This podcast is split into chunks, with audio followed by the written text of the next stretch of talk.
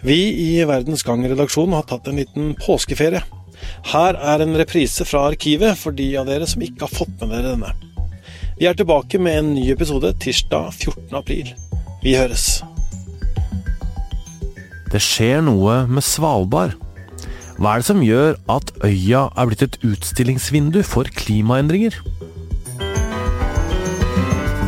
Jeg heter Tor Erling Tømt Ruud, og dette er Verdens Gang.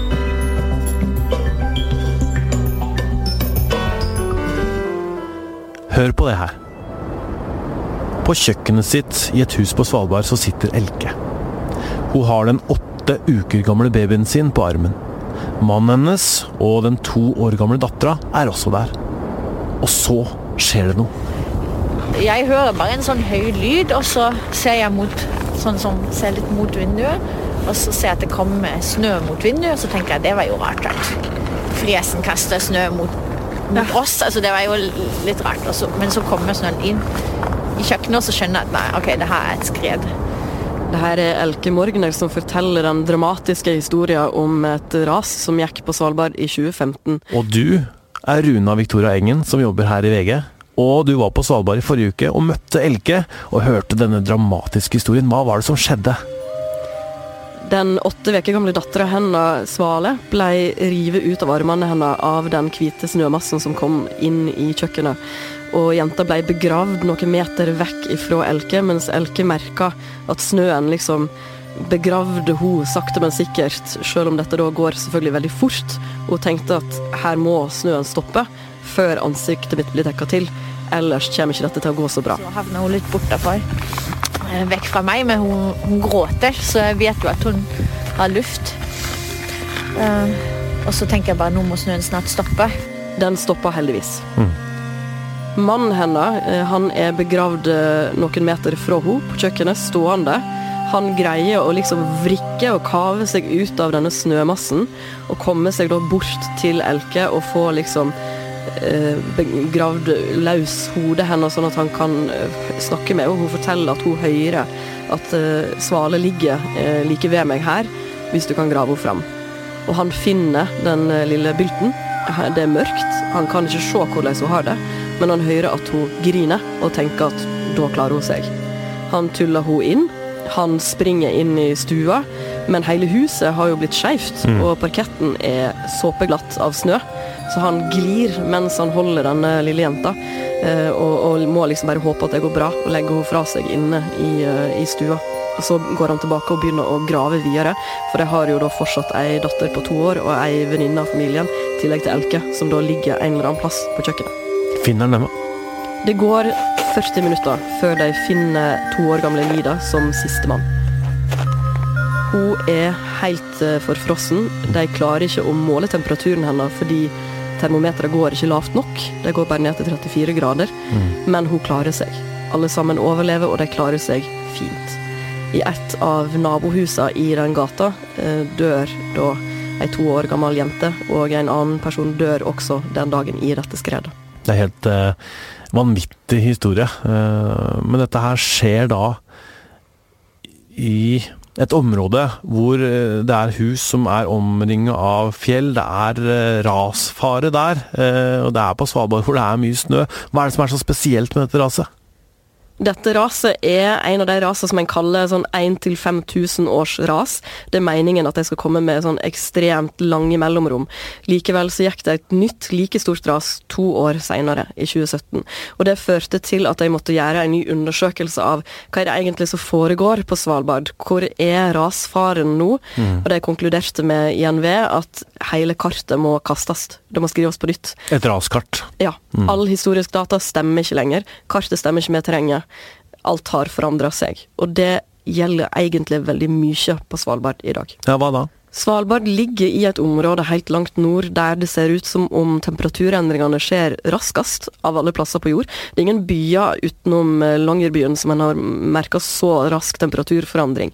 Det er snakk om at gjennomsnittstemperaturen i løpet av et år har stiget med fire grader, mer enn fire grader, mens om vinteren har den største temperaturforandringen skjedd, og en ser at det nærmer seg ti grader oppvarming i vintermånedene. Mm. Og hvis du tenker i forhold til resten av verden, så er den globale temperaturen har stiget med én grad siden før industriell tid. Så det er en ganske stor forskjell som rammer akkurat Svalbard. Og det får jo mye å si for alt som skjer der oppe. Og det betyr også at Svalbard er et slags sånn frampeik på hva vi kan forvente av omfang på forandringer i resten av verden dersom ikke den globale oppvarminga stopper. Svalbard er jo på mange måter bygget opp av en sånn slags evigvarende is, en frost, permafrosten. Hva skjer med den? Den er i ferd med å tine, og det merker en bl.a.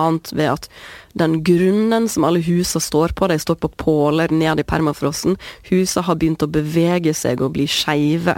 Lyktestolpene må flyttes og sikres. Gatene må endres. Eh, der er strender som eh, nå smuldrer opp, og hytter som må flyttes for å ikke havne på havet, mm. pga. på grunn av at denne permafrosten forsvinner. Hva slags andre måter er det vi ser disse klimaendringene på, på Svalbard? De er ikke vant med et problem som veldig mange byer, spesielt kanskje i Norge, eh, har lang erfaring med, mm. som kalles vann. Mm. De har ikke hatt et problem med overflatevann i det hele, og ikke tenkt på eh, drenering. Regn, altså? Ja. Mm. Eh, før så fikk de kanskje 200 milliliter nedbør i løpet av et år, og det kom kanskje som snø. da. Mm. Nå kan de få 50 milliliter i løpet av et døgn, og det kan komme som regn. Og det fører bl.a. til at det legger seg et sånn tynt lag med is opp på store områder i dalene rundt omkring i Svalbard. Og den isen gjør at reinsdyra i de periodene ikke klarer å finne mat. For de pleier å spise liksom det grønne vegetasjonen som ligger under snøen. Mm. Og de vi snakka med på Svalbard, som lever der og jobber der som guider, forteller at de i fjor vinter kunne kjøre med snøscooter ned gjennom dalene og se døde reinsdyr, mm. som da har And also you have, like this year has been very cold, but the other years I've been here, you had this one week in, in January and one week in, in February we have actually rain because it's getting warmer and you have more uh, um, precipitation. It's snow, it's rain. Yeah, and yeah. that sort of kills the reindeers because they can't dig through that centimeter of ice. So you will, like last year, you would drive through the valley and you actually see dead reindeers because of the climate change. På et litt sånn enklere nivå så betyr det jo også at de er nødt til å gjøre ganske store tilpasninger. Så eh, de forteller også at de har nå vært nødt til å feste takrenner mm. på husene. For de ble bygd på 70-80-tallet, og da hadde man ikke takrenner for å ta unna regn. Nedbør kom ikke som regn på Svalbard før? Ikke på det nivået i den skalaen som man ser nå, i hvert fall. Det er helt klart. Hva med isbjørnen, da?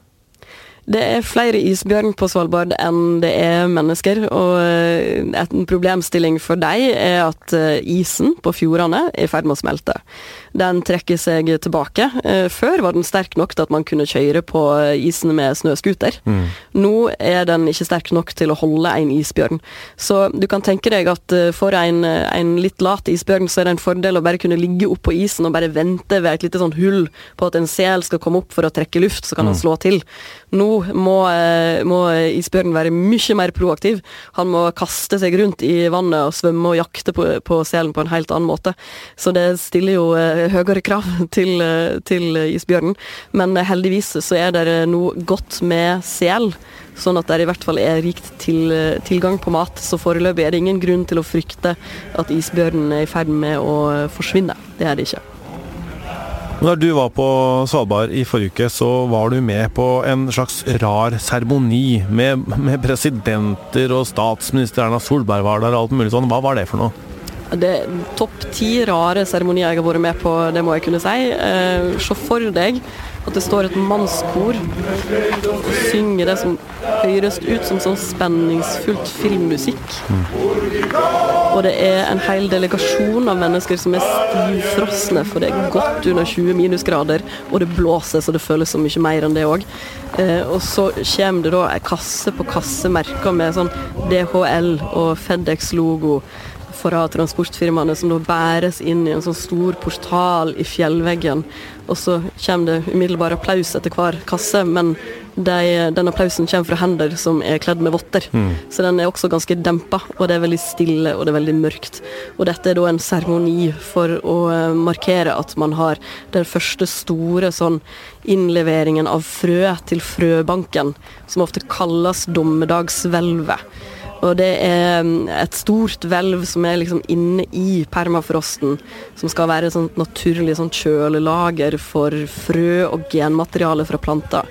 Og det trenger vi, eh, fordi at man forventer at det vil komme situasjoner der man kan miste eh, ganske dyrebart landområde, for det første.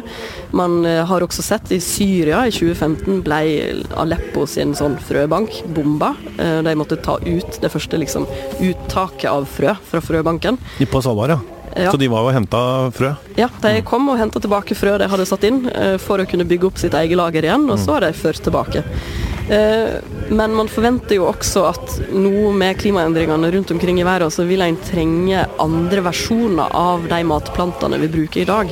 Og Da er det veldig nyttig å kunne gå tilbake til det du kan se på som slags tidligere lagra versjoner av eh, ulike liksom, potet, ris, hva det nå er, mais.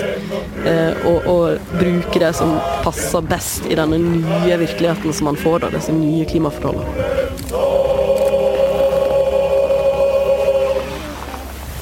Du sa at Svalbard er en slags fremtidsvisjon på hvordan det kan bli eh, hvis klimaendringene eh, fortsetter.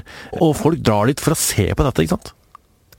Det er det som er litt spesielt. Svalbard som har en sånn historie med at det har vært eh, et område liksom, med en samfunn som er bygd opp rundt kullgruver. De skal nå selvfølgelig ikke leve av kull lenger, og det er kun ei gruve som står igjen. Mm. Men de har gått over til å leve av reiseliv, som naturligvis innebærer at mange flyr til Svalbard nå, som igjen er en av disse på en måte klimaverstingene man snakker om. Så en del av de lokale guidene som vi snakker med, forteller at eh, disse mm, turistene som kommer da for naturopplevelser og for å se Svalbard, de spør gjerne om klimaendringene, samtidig som guiden vet at eh, ja, men du bidro jo, for du fløy jo hit. Eh, Så deres holdning til det er at vi har et ansvar her på Svalbard for å vise folk hva det er som faktisk foregår, sånn at de kjenner på en helt annen måte at disse endringene er ekte. Og får eh, motivasjon for å leve et mer eh, klimavennlig liv, om du vil, når de kommer hjem og kanskje ikke tar den der ekstra utenlandsturen neste år. Og det er noe som de får eh, solid støtte i fra lokale forskningsmiljø. Det, vi har et budskap til verden at, eh, og at eh, det vi ser her kommer til å påvirke resten av verden. På samme, liksom resten av verden kommer etter. Vi har snakka med Kim Holmen, som forteller at det er spesielt for akkurat Svalbard at man ikke greier å finne andre forklaringer på disse endringene som skjer. For du har flere plasser i verden der klimaendringene skjer fort, men der har du også gjerne industri og lokale utslipp. Du har jordbruk som kanskje legger beslag på store landområder og fører til forørkning. Så du greier ikke der å skille hva er det som skjer pga. temperaturforandringer, og hva er det som skjer pga. menneskelig aktivitet. Mens på Svalbard er den menneskelige aktiviteten en såpass liten faktor at man kan ikke forklare disse endringene med noe annet enn det som skjer globalt. Og derfor blir det en sånn slags utstillingsvindu for klimaendringer, eh, eller deres holdning til det. Og de mener at Norge har et helt klart ansvar for å bruke det som akkurat det også.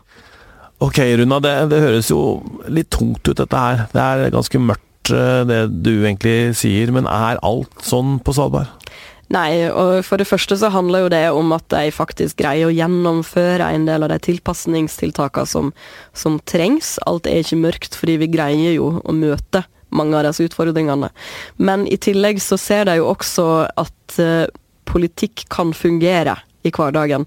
Fordi at eh, på et tidspunkt var sel og hvalross nesten fraværende i områder rundt Svalbard i fjordene, fordi at man drev overfangst på disse dyra. Og nå er de tilbake for fullt.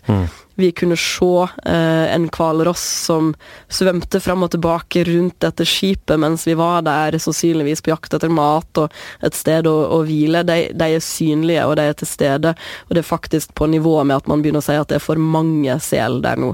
Så en, en kan gjennomføre politiske vedtak, som den gangen var å stoppe fangst, eh, og se at det faktisk fungerer. Hva syns du om Svalbard, da? Det er en helt fantastisk plass, og det ligner ikke på noe annet. Ok, Runa, tusen takk for at du var med. Takk for at jeg fikk være her. Podkasten Verdens gang lages av Emilie Hall Torp Nora Torp Bjørnstad, Kristine Hellesland og jeg heter Tor Erling Tømterud. Magne Antonsen er teknisk produsent, og vi har nye episoder vi hver hverdag klokka fire om morgenen, så du kan høre på dem på vei til skole eller jobb, eller når du har et kvarter til å høre på podkast.